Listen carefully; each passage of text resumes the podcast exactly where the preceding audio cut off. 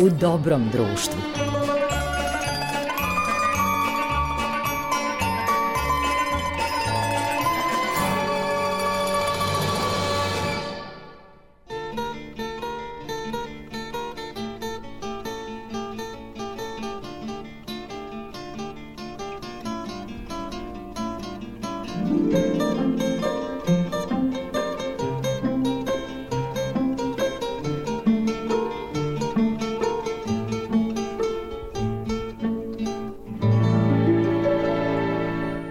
Slušalci, vi ste na talasima prvog programa radija, radio, televizije Vojvodine. Slušate emisiju u dobrom društvu, koju tonski uobličava Marica Jung, a vaš domaćin je i ovom prilikom Goran Vukčević. Imaćemo čak nekoliko gostiju ovoga puta, bit ćemo u sjajnom društvu, u društvu pilota, veterana jugoslovenskog aerotransporta imao sam e, čast e, i sjajnu priliku da se sa ekipom koje svoje druženje nastavila, da tako kažem, i po sletanju i to u Zemunu se okupljaju, a u pitanju su Velibor Slavuj, Zoran Čolić, Branko Živanović i Zoran Piber. Dakle, saznaćemo dosta toga o njihovom iskustvu, o divnim sećanjima na letačke dane i kako danas obučavaju nove generacije pilota. Slušamo veterane Jata.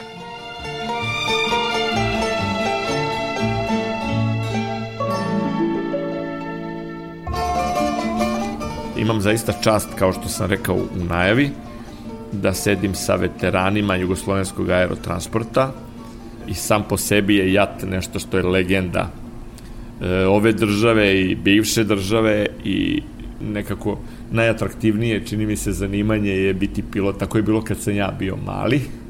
Svi u razredu su hteli da budu ili piloti ili, ili stewardese. Ili stewardese, devojčice. I mene kad su pitali, ja sam rekao konobar, da bi želeo da budem konobar. U, u nekoj Otvoreno ti je radno mesto ovde. da, da, da. Ako propadnem u, u ovom. Ne, ja sam reditelj, već i ovo nije moje radno mesto. Ali e, zaista mi je izuzetna čast. Ja sam ovde gost ovih mojih domaćina, najpre Branka Živanovića. Hvala vam. Molim, a, a tu je, došao a tu je i Velibor Slavuj, u ovom slučaju je Slavuj prezime. Mi imamo legendu naše kuće Slavuja Hadžića, ali njemu je Slavuj bilo ime. Tu je moj prijatelj Zoran Piber Pifa, koji je u stvari i spona moja sa svim ovim sjajnim ljudima i gospodin Zoran Čolić. Sad, pošto sam ja ovako vas predstavio, ja bih hvala samo da mi vi svako ponosob nešto kaže o sebi pre nego što krenemo u spontani razgovor. Dakle, prvo, Branko Živanović. Pa, dobrodošao ovde. Mi se družimo ponekad na ovom mestu, svraćaju naši drugari iz avijacije. Družili smo se dugo godina po svim meridijanima. Sad smo ovde na jednom mestu, više se ne leti. A koliko je dugo ste leteli? Pa od, od 85. godine. Pa sam leteo posle po Africi, vratio se nazad i sad smo ovde na ovom mestu. Moji drugari su leteli isto po drugim delovima sveta. Zoran je otišao u penziju iz Air Srbije danas. Čole i Slavoj su isto u penziji. Oni su se bavili i nekim, ne samo komercijalnim poslovima. Slavoj nam je bio direktor dugo godina. Čole isto, oni su i instruktori bili, dosta đaka je prošlo kroz njihove živote. Slavo ima tri sina pilota. Zoran ima jednog sina pilota. I uglavnom ta deca su krenuli očijim stopama. Pa evo sada će malo Slavo i da vam priča gde je on sve bio i šta je on sve radio. Hvala, Branko, što ste, što ste praktično prozvali Slavuja. Ovo je sjajno, znači trojica naslednika su danas piloti. I, jeste, to je možda i, i, Gospodin, i bio znači, jedan da. bio jedan normalan sled okolnosti ovaj, da sam ja iz meni nepoznatih razloga, jer niko u mojoj porodici čak nije ni putovao avionom, rešio kao osnovac da se bavim tim zanimanjem. Sa nepunih 14 godina sam konkurisao u vazduhoplovnu vojnu gimnaziju gde sam bio primljen i praktično se nalazim u avijaciji aktivno nekih 50 godina. To se tako potrefilo da sa 65 godina kada svi odlazimo u ovom zanimanju u penziju sam imao nekih 50 godina bavljanja tim poslom na ovaj ili onaj način i nezaobilazno je tu, vi ste u uvodu rekli da, da smo mi bili deo jata, ova priča bez jata nema neki veliki smisao, jer ljudi to previđaju ili su zaboravili 87. godine kada smo mi postali kapetani Čole i ja JAT je bio deseta kompanija po veličini u svetu JAT je osma najstarija kompanija u svetu znači mi smo imali sreće da rastemo i da budemo školovani u kompaniji koja je davno prepoznala da mora da ima svoju akademiju, da mora da selektuju ljude koji će iz te akademije po jednom istom principu biti školovani u naše vreme niko nije mogao da postane pilot u JAT-u ako nije završio JAT u pilotsku akademiju. Ta deca su valjda gledala su koliko ljubavi i zadovoljstva ja radim taj posao. U stvari svi mi nikad nismo radili i to je naša najveća sreća. Nego ste uživali. Znate, ako, ako volite taj posao kao što smo ga mi voleli i kao što nekada 90% ovaj, ljudi u kokpitu je taj posao pre svega volelo, danas se to sa principima na kojima počiva ovo društvo malo promenilo, pa tu ima i, i materijalnog i nekih drugih aspekata. Vrednosti su se malo promenile. Jeste i... Da ne kažem poremeti. Jeste i razlozi zašto se ti bavite tim poslom su se promenili, što po meni kao i svim ostalim zanimanjima kvari jednu selekciju i kvari kvalitet svakog Svuda posla. gde je materijalno prioritet. Da. Jeste. I ja sam se trudio da svoju decu ne usmeravam u tom pravcu, zato što taj posao morate sami da odaberete i, i da budete veoma motivisani da se bavite tim poslom. Ako, ako svoju decu na neki način gurate u taj posao, možete da napraviti jako velike greške koje, kojih smo mi bili svedoci tokom školovanja, jer smo bili instruktori 30 godina i egzaminari. I... Moguće da neki roditelj gura svoje dete u pilot. Kako da ne? Pa kako da ne? Pa mislim, živimo... Da im dete svira violinu. Ili da bude Novak Đoković, da. a nema talenta za tenis. Znate, imate još goru situaciju da, da, da nažalost danas e, ljudi guraju decu u starlete, a kamoli u... U reality, da zarade. A kamoli u, u ovakva, u ovakva zanimanja. Moja deca su to odabrala, ja sam ih uvek pitao... Zavolili su uz vas letenje? Verovatno.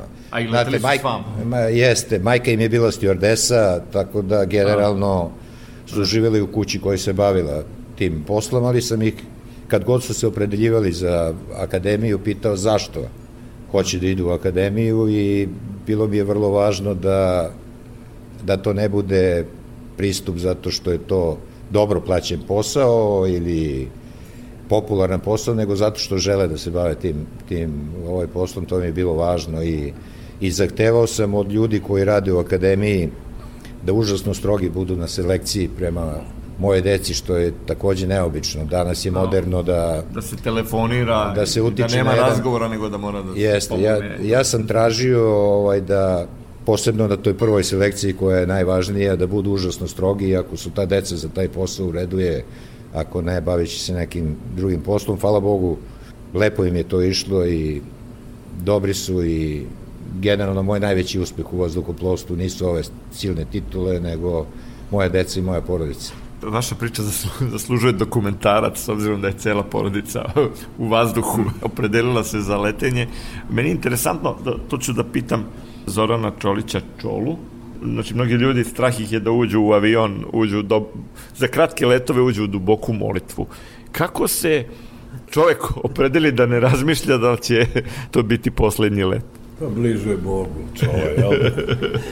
Ne, to stvarno ne mogu da odgovorim, ne znam stvarno. Mada, ja razumem ljude koji se boje avijacije, mnogi ljudi se boje avijacije.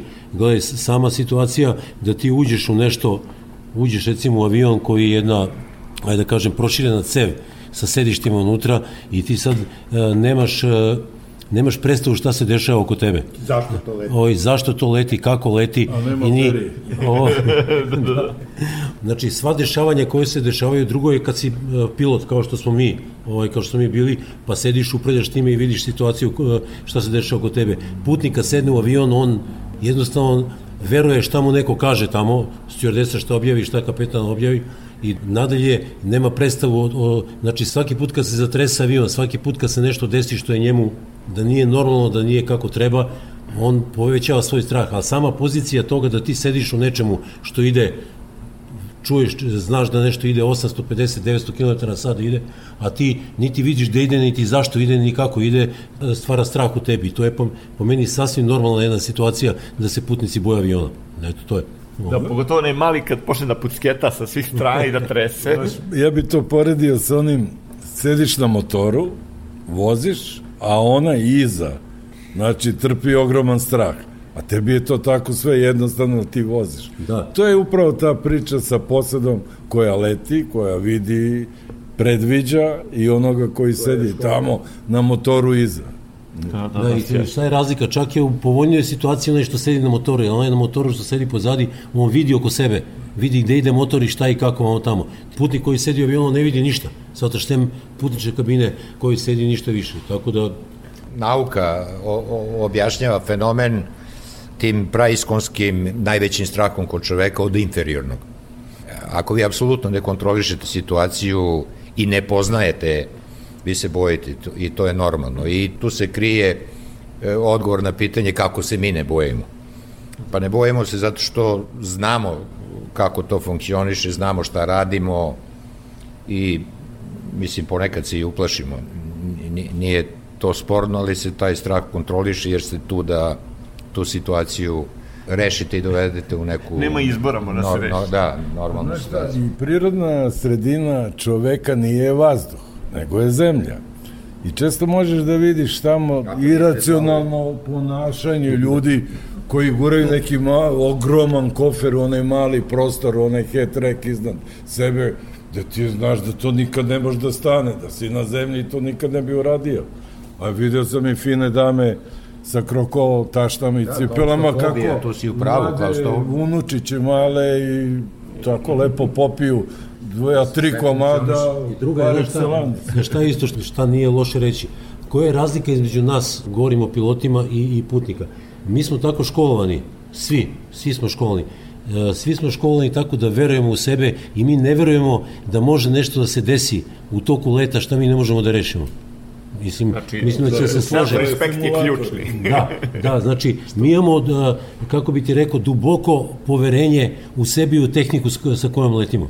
Mi verujemo u tu tehniku, mi verujemo u sebe i u svoju obuku. Neće stresti pilota koji će da kaže da misli da se nešto desi na avionu, tehnički govorim da se desi nešto u avionu, da on to nije u stanju da reši.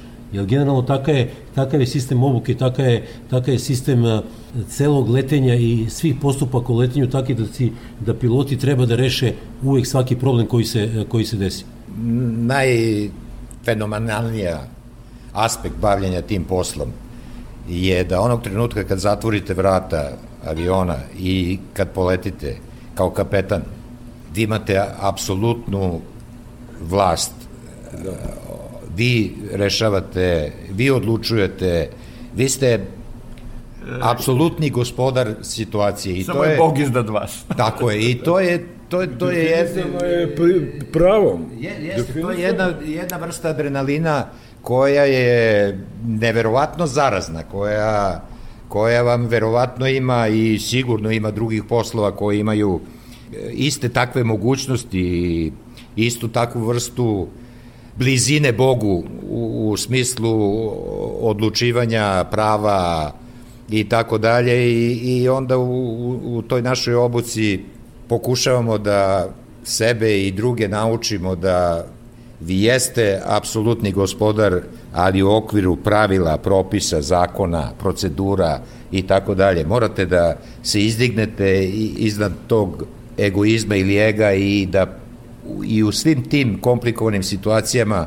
poštujete ono što je što je procedura, što je pravilo. tu ste vi veliki, niste vi veliki u tome što imate pravo da donesete kakvu god hoćete odluku. Nego ta odluka mora da bude bazirana na jednom znanju i nauci. Potpuni. Ja znaš šta, postoji jedna, kod nas, naročito mi koji smo istori bili, kako se obučavaju ljudi. Šta god da se desi u avionu, leti avion. Znači šta god da se desi, pilot je taj koji mora da leti avion.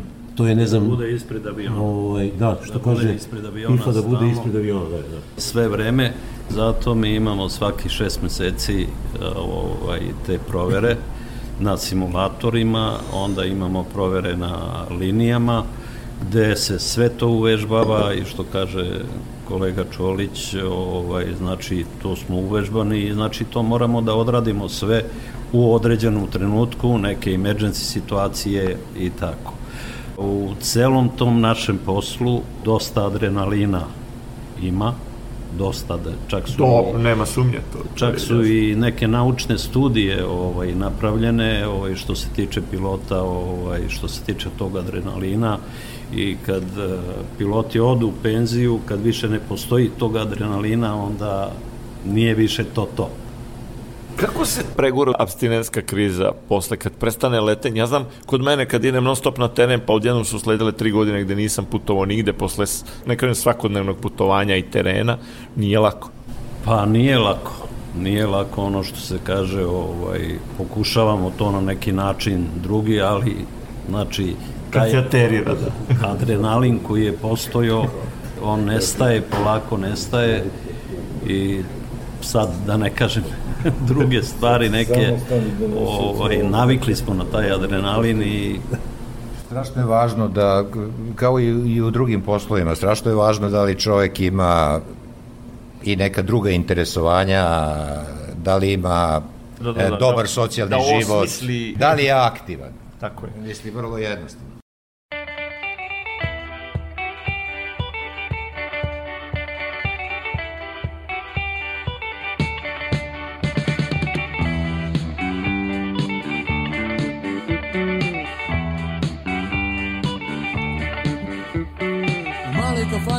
Kod anđe Piju pivo i prave lom. Danima vode iste svađe Zaboravljaju kevu, čalete i dom. Ma nemate šansu kukušati A bude je majstora, šura i truba. Za sušice ste dali toliko miliona. Navijaju za boje svoga kluba Moji drugari La la la la la la. Moji drugari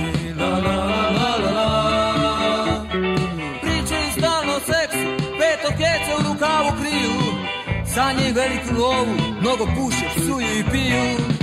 I mada u nezreloj dobi grle i ljube staru pevaljku A posle fajron tu male sobi prave veliku sedeljku Moji drugari, la la la la la la. Moji drugari,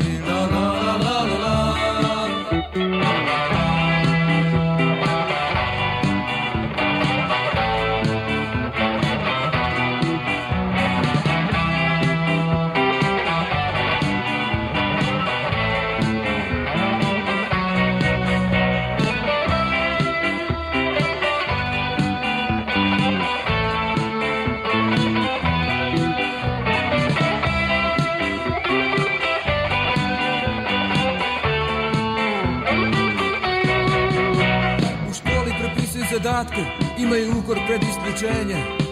Prave šale, poturaju patke, neprijatno uvijek iznenađenje. Nikada verni nekoj karijeri, u avgustu završavaju razred. Nikad lekari, inženjeri, ni u istoriji uči kao što je red. Moji drugari, la la la la la la. Moji drugari, la la la.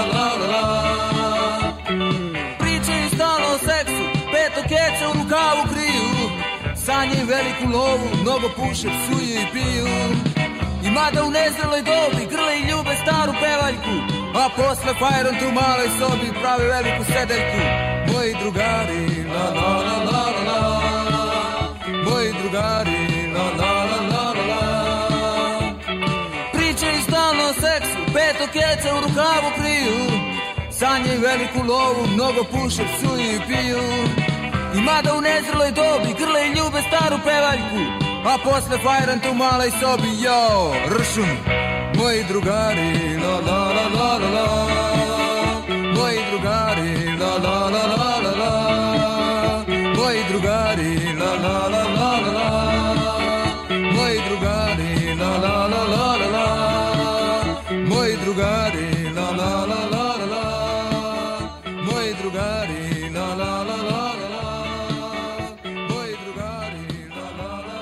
slušate emisiju u Dobrom društvu. Izuzetna mi je radost. Ovoga puta nikad nisam imao ovakvu čast da imam četvoricu gosti. Uglavnom je bilo najviše dvojeca ili dvoje ili troje.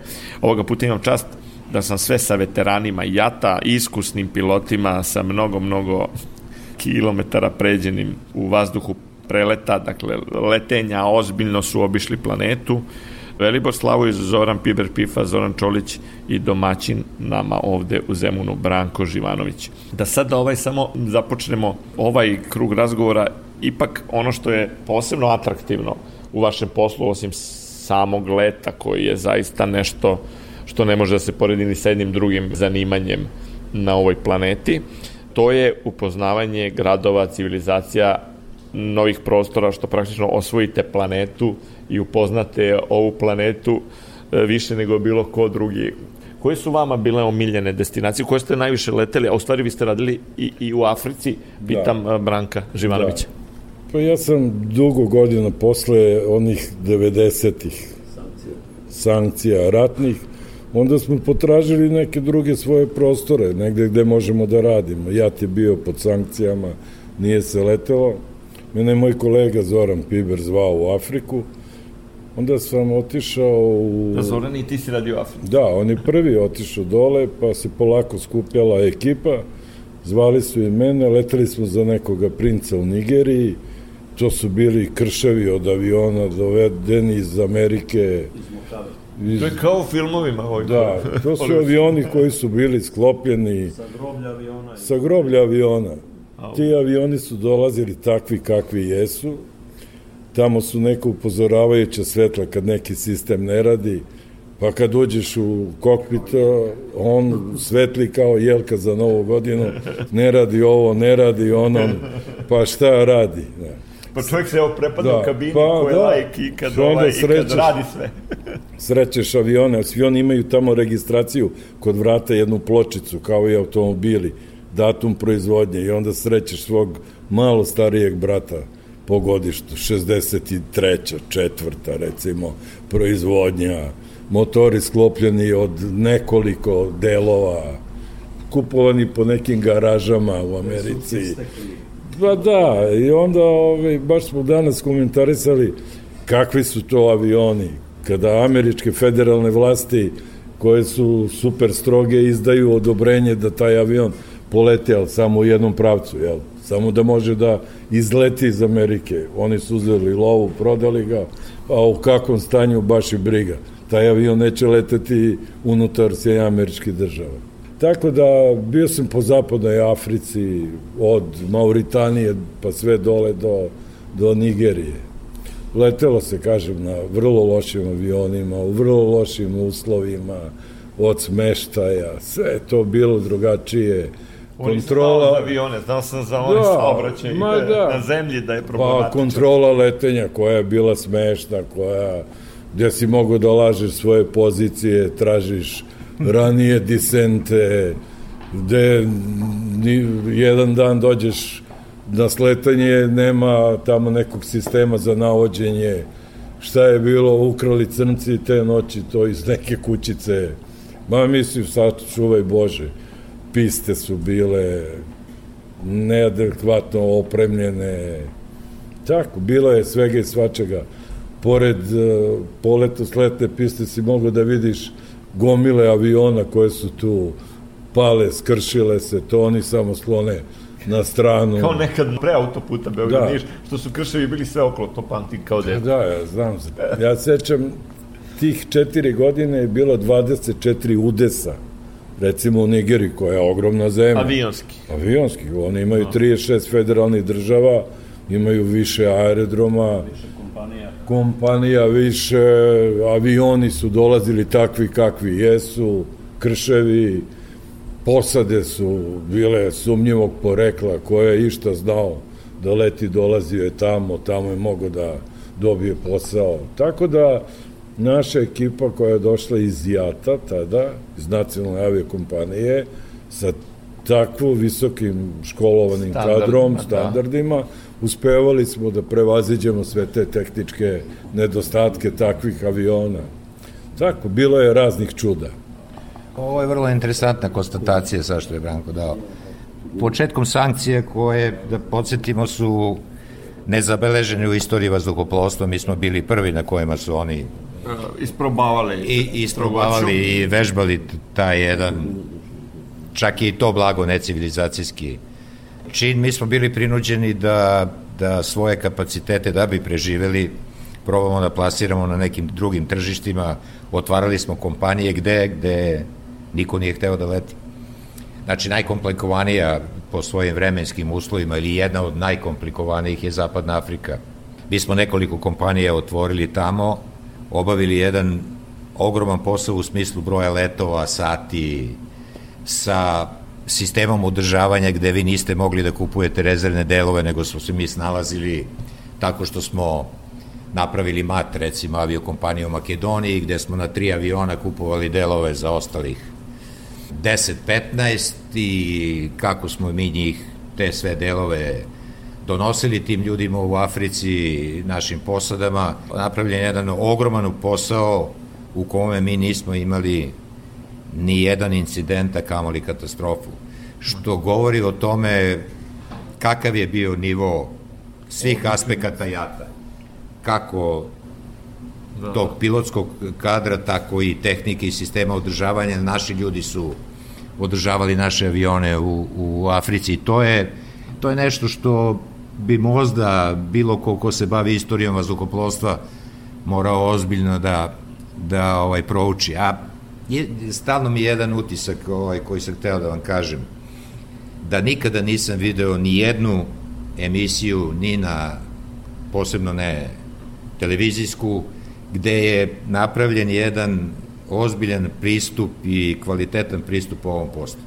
Evo, potrudit ćemo se sve da mi to, kao naša kuća radio televizije ovaj, Sve je to rađeno to. sa tako površno i sa tako malo poznavanja suštine tog posla da nikada taj posao nije, nije pokazao svoju suštinu, a malo pre je Pifak spomenuo, vrlo je interesantno i ako pravite tu, tu emisiju, jedan deo te emisije morate da provedete na simulatoru. Da, da, da. da vidite kako ovaj Ovo je razgovor stvari priprema.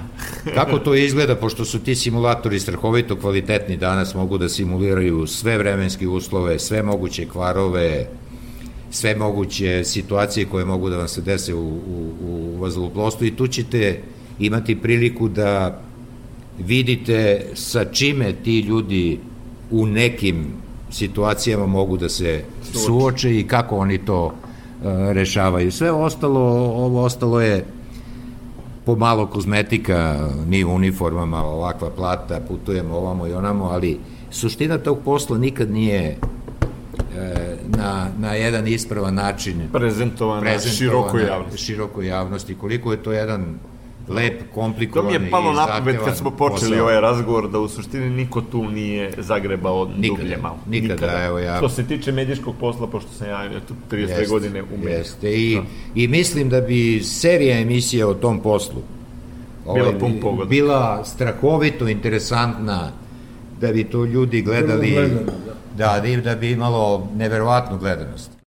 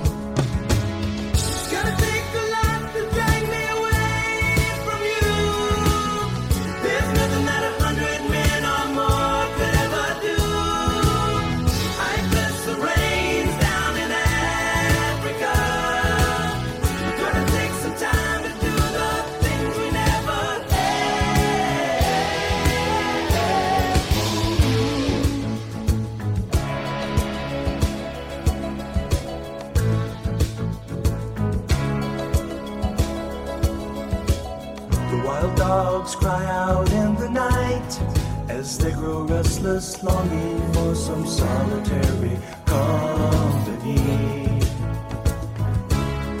I know that I must do what's right, sure as Kilimanjaro rises like Olympus above the Serengeti.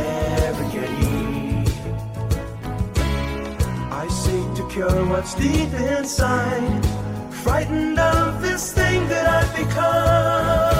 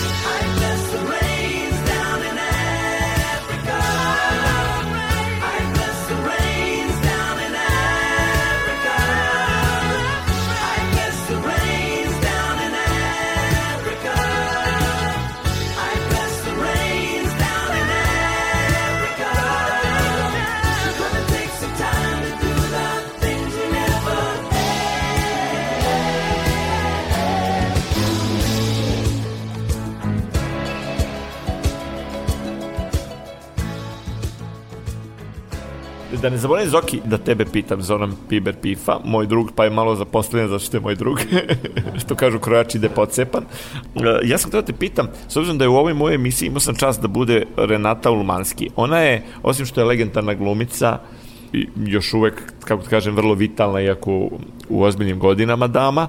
Ona je rekla da, pošto je jedan period provela u Africi, putovala i sa Titom u Afriku, s obzirom da je njen muž bio ministar spoljnih poslova u Titovoj Jugoslaviji, Pitao sam koja je oblast u svetu na nju ostavila najveći utisak, ona je rekla da je Afrika ostavila na nju trajan pečat jer su boje potpuno drugačije nego u bilo kom delu sveta i to mi je sad palo na pamet jer znam da ste proveli Ja uvek kažem, Afrika je najkoloritniji kontinent.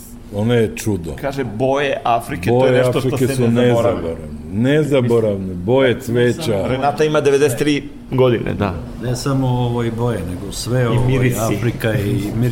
I dole se živi tri, sa, tri Evo stalno utisak da to izgleda kao opstanak, da, da idu oni Ovaj. leopardi. da, ovaj, ovde Imamo se, i mi leoparda. ovde se mnogo brže živi ovaj, nego dole, tako da Afrika je čudo, zaista čudo. Kako ste se navikli na tu hranu u Afričku ili vi dobijate hranu po drugim standardima tamo? Navikli smo se, navikli smo se na tu hranu i I te njihove žene, one su kao antilope, one su savršenstvo bez estetske hirurgije. e, Vrlo to često. pitajte Branka. Pa, nažalost, meni upade najteže pitanje. Ali da vam kažem jednu stvar. Već kada pričaju o lepim ženama Afrike, one stvarno znaju da budu lepe, ali tu bi recimo bio Senegal, Zapadna Afrika i Etiopija, posebno Eritreja, koja je na istočnom delu afričke obale. Tako da ovaj, oni zaista imaju lepe, prelepe žene. Tu bi sad stali, sve drugo bi moglo da bude opasno po nas.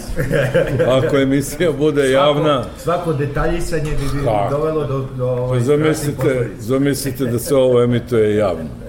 Bolje da se vratimo na hranu. E, Bolje da se vratimo na hranu. A nema to malo pre što je, što je, kaže Pifa, nema belog čoveka koji dođe u Afriku da nema problema sa stomakom u nekom prvom periodu.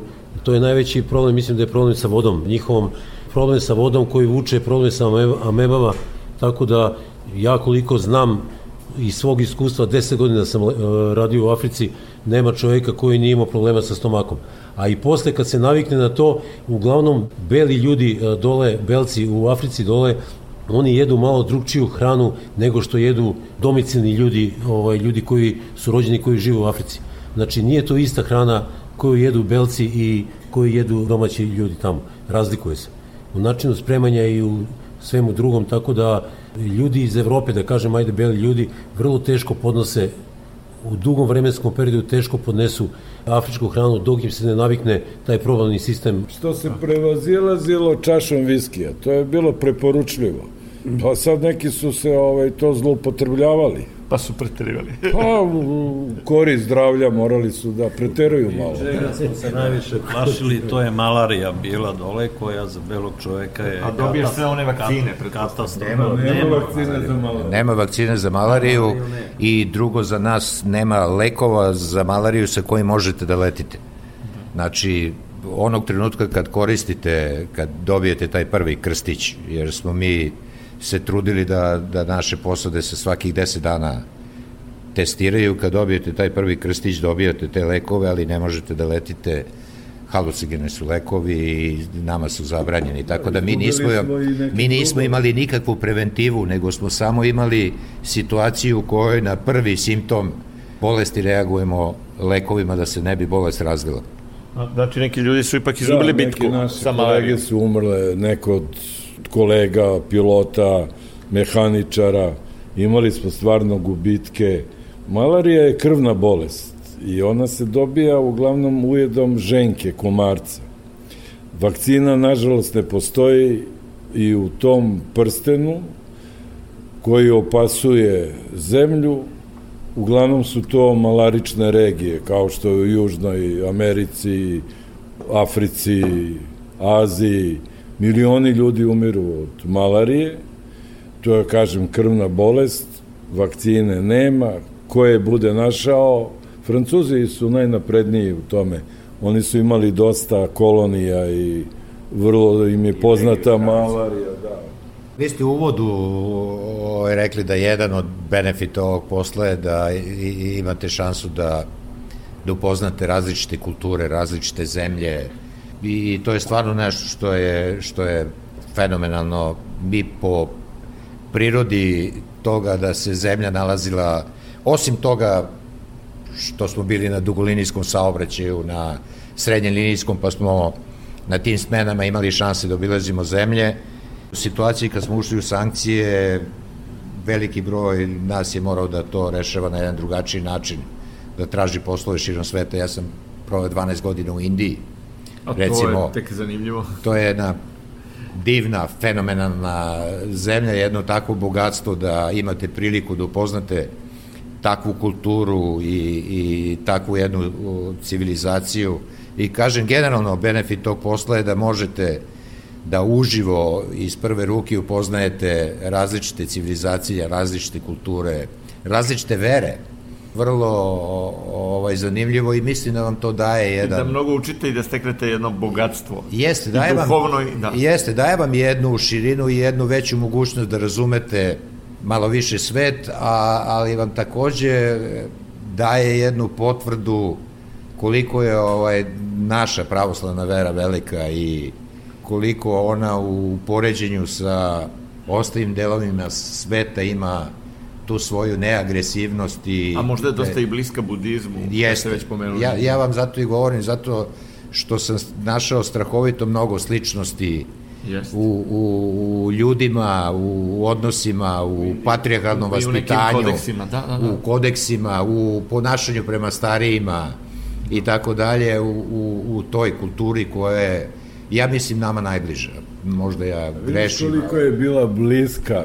Slavo je tamo, tokom svog boravka, upoznao jednog maloga klinca, koga je uspeo da stvarno podigne u jednog čoveka. Kompletno školovanje koje nije malo, koje je zaista preskupo za jednog pilota, on ga je prosto usvojio, platio mu to školovanje i podigao ga do profesionalnog pilota. E to je on što ga zove treći sin. Inače, njegova dva sina isto lete, jedan je u A Dubaju. da, u stvari je to treći. Da, Da, da, to da. je taj treći Kako sin. se on zove? On je, čet, on je četvrti, zove se Radža Huđa, a moj treći sin je u stvari sin mog brata, koga sam ja takođe, ovaj, rođenog brata, koga sam ja takođe ško, ško nije, hvala Bogu, koga sam ja školovao i to su moje tri, Radži četvrti. Inače, Radži je bio najmlađi kapetan u Emiratima, znači najbolje kompaniji na svetu, na Airbusu 380. To vam je centar for Barcelone, recimo, u Ali, fudbalu. ali to je i, i za vas ozbiljna satisfakcija da niste uzalud pomogli to. Jeste, divan, divan, jedan sjajan jedan momak. Stalno mi to na pameti da, da vas samo ovaj, podsjetim da je letenje, letenje način života. Znate, letenje je filozofija, letenje je umetnost. Ja imam ar argumente za to, znači ne, ne samo ovaj, parole, svi mi smo, ja sam napravio preko 10.000 poletanja i sletanja. Nikada nisam imao ni jedan let koji je bio isti sa prethodnim. Zato je to umetnost. Svaki let je jedna posebna priča, jedna posebna konstrukcija, jedna posebna realizacija, jedno posebno pakovanje svih elemenata kojih ima bezbroj. Da vas podsjetim samo, u jednom standardnom poletanju jedan pilot obradi 2000 podataka. Znate, to, to je... Ovde će trebati nekoliko fenomen- još emisija. Ali mi ćemo ovaj razgovor privesti kraju posle muzičke numere.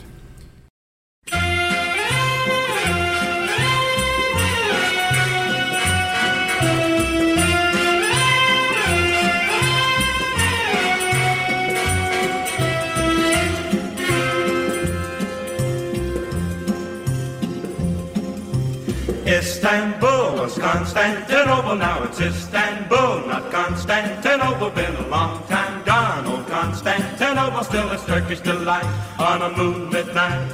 Every gal in Constantinople lives in Istanbul, not Constantinople. So if you've a date in Constantinople, she'll be waiting in Istanbul. Even old New York was once New Amsterdam. Why they changed it, I can't say. People just liked it better that way. Take me back to Constantinople. No, you can't go back to Constantinople. Now it's Istanbul, not Constantinople. Why did Constantinople get the works? That's nobody's business but the Turks.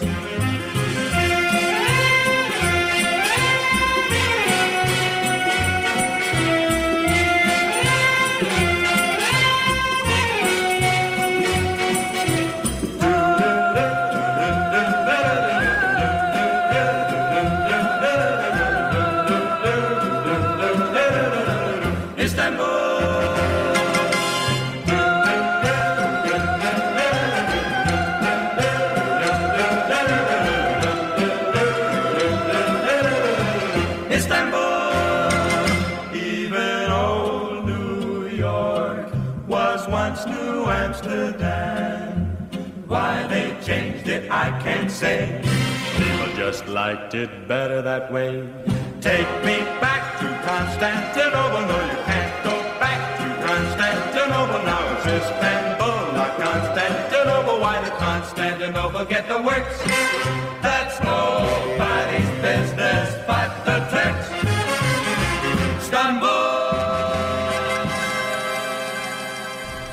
Nažalost, e, ovo je zaista premali prostor da stane ovako jedna neverovatno zanimljiva priča od čak četvorice e, sagovornika. Meni je ostalo sad mnogo pitanja koje e, ja želim da pitam ljude sa ovakvim letačkim iskustvom. To nismo stigli da pomenemo. Da li ste imali nekih rizičnih situacija, neprijatnih, Evo, svi ste, Bogu hvala, živi i zdravi, pregurali svoje, svoje Pa da, to je, duge to letačke je karijere. Odgovor, to je odgovor, sigurno da se A događaju. verovatno je bilo pa, neprijatnosti koje niste smeli ni da otkrivate ovoj publici u avionu. Na kraju krajeva oni su kupili kartu da otputuju tamo gde hoće i mi smo ih tamo i odveli. Da, nisu ne na onaj svet, nego da, da. ne moraju da znaju sve o tome, ali samim tim što su stigli tamo znači da smo mi dovoljno školovani, dovoljno znamo, dovoljno sigurni. U stvari se prepušta pilotu Tako. putnik kao pacijent hirurgu. Tako je. Kao anestezijolog. Pa nema nekog izbora. Nema baš nekog izbora i blizu je Boga. Bliže je od drugih. Jeste. I gore smo sami. Barem za Stvari, kad si u 11.000. avionu, onda si najbliži Bogu. Posebno u nekim srednjim godinama svaki pilot e, potajno želi da mu se desi nešto gde će on to da ovaj da odradi da reši znate Da, da, da bude junak iz filma.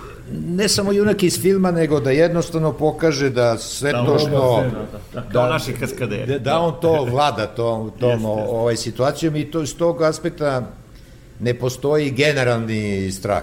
Stresovi, normalno da postoje, postoje situacije u kojima dođete na jedan nivo stresa koji nije ni malo uobičajen, ali ga hendlujete i to što ubija pilote je kontrolisani stres. Što ste naučeni da stres kontrolišete, da ga posle doživljavate i to, to je zdravstveni problem te profesije.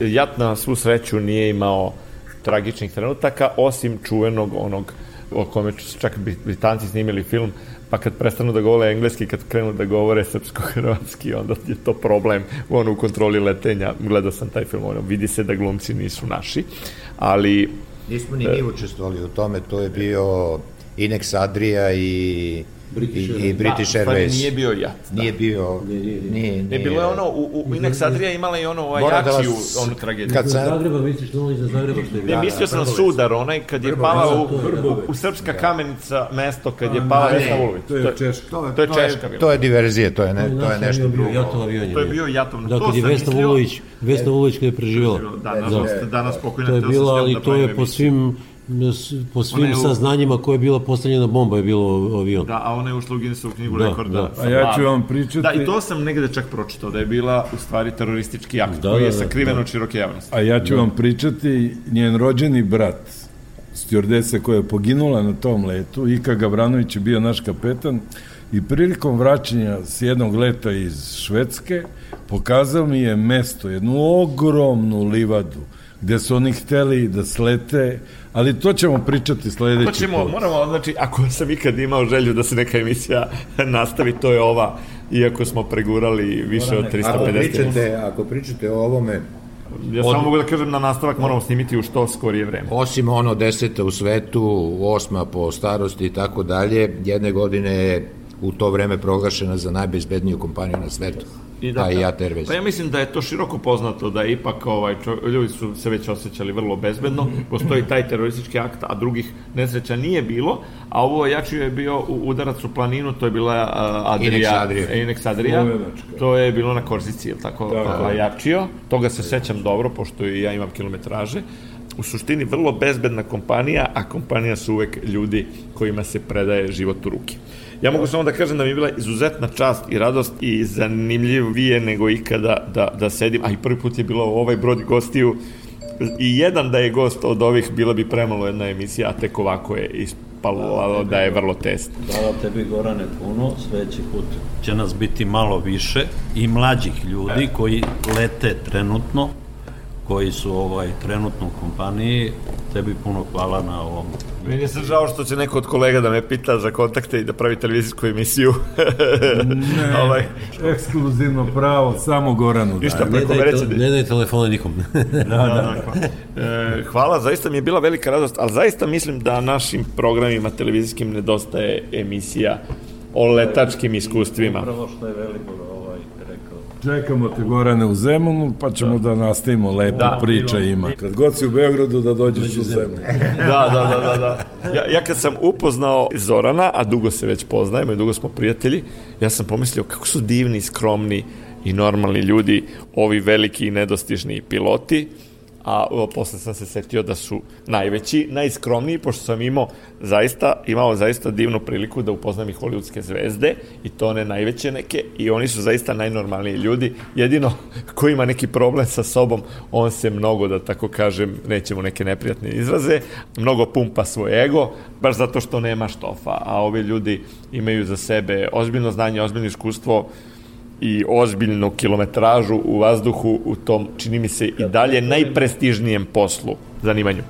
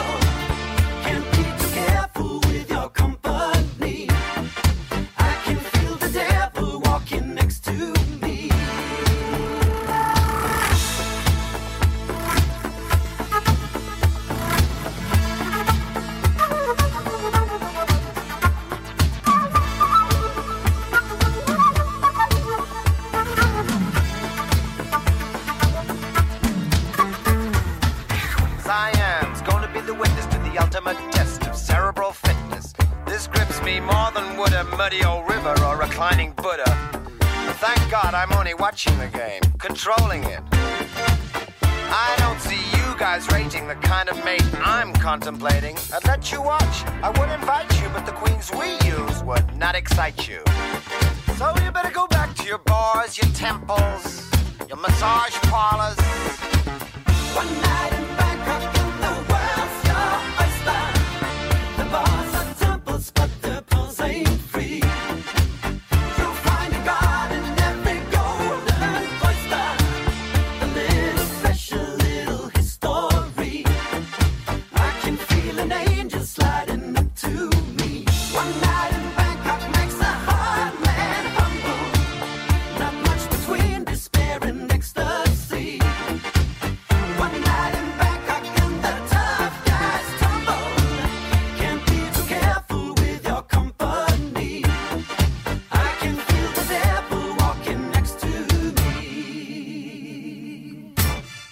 Slušali ste emisiju Dobrom društvu u kojoj su vaši i naši gosti bili veterani jugoslovenskog aerotransporta Velibor Slavuj, Zoran Čolić, Branko Živanović i Zoran Piber.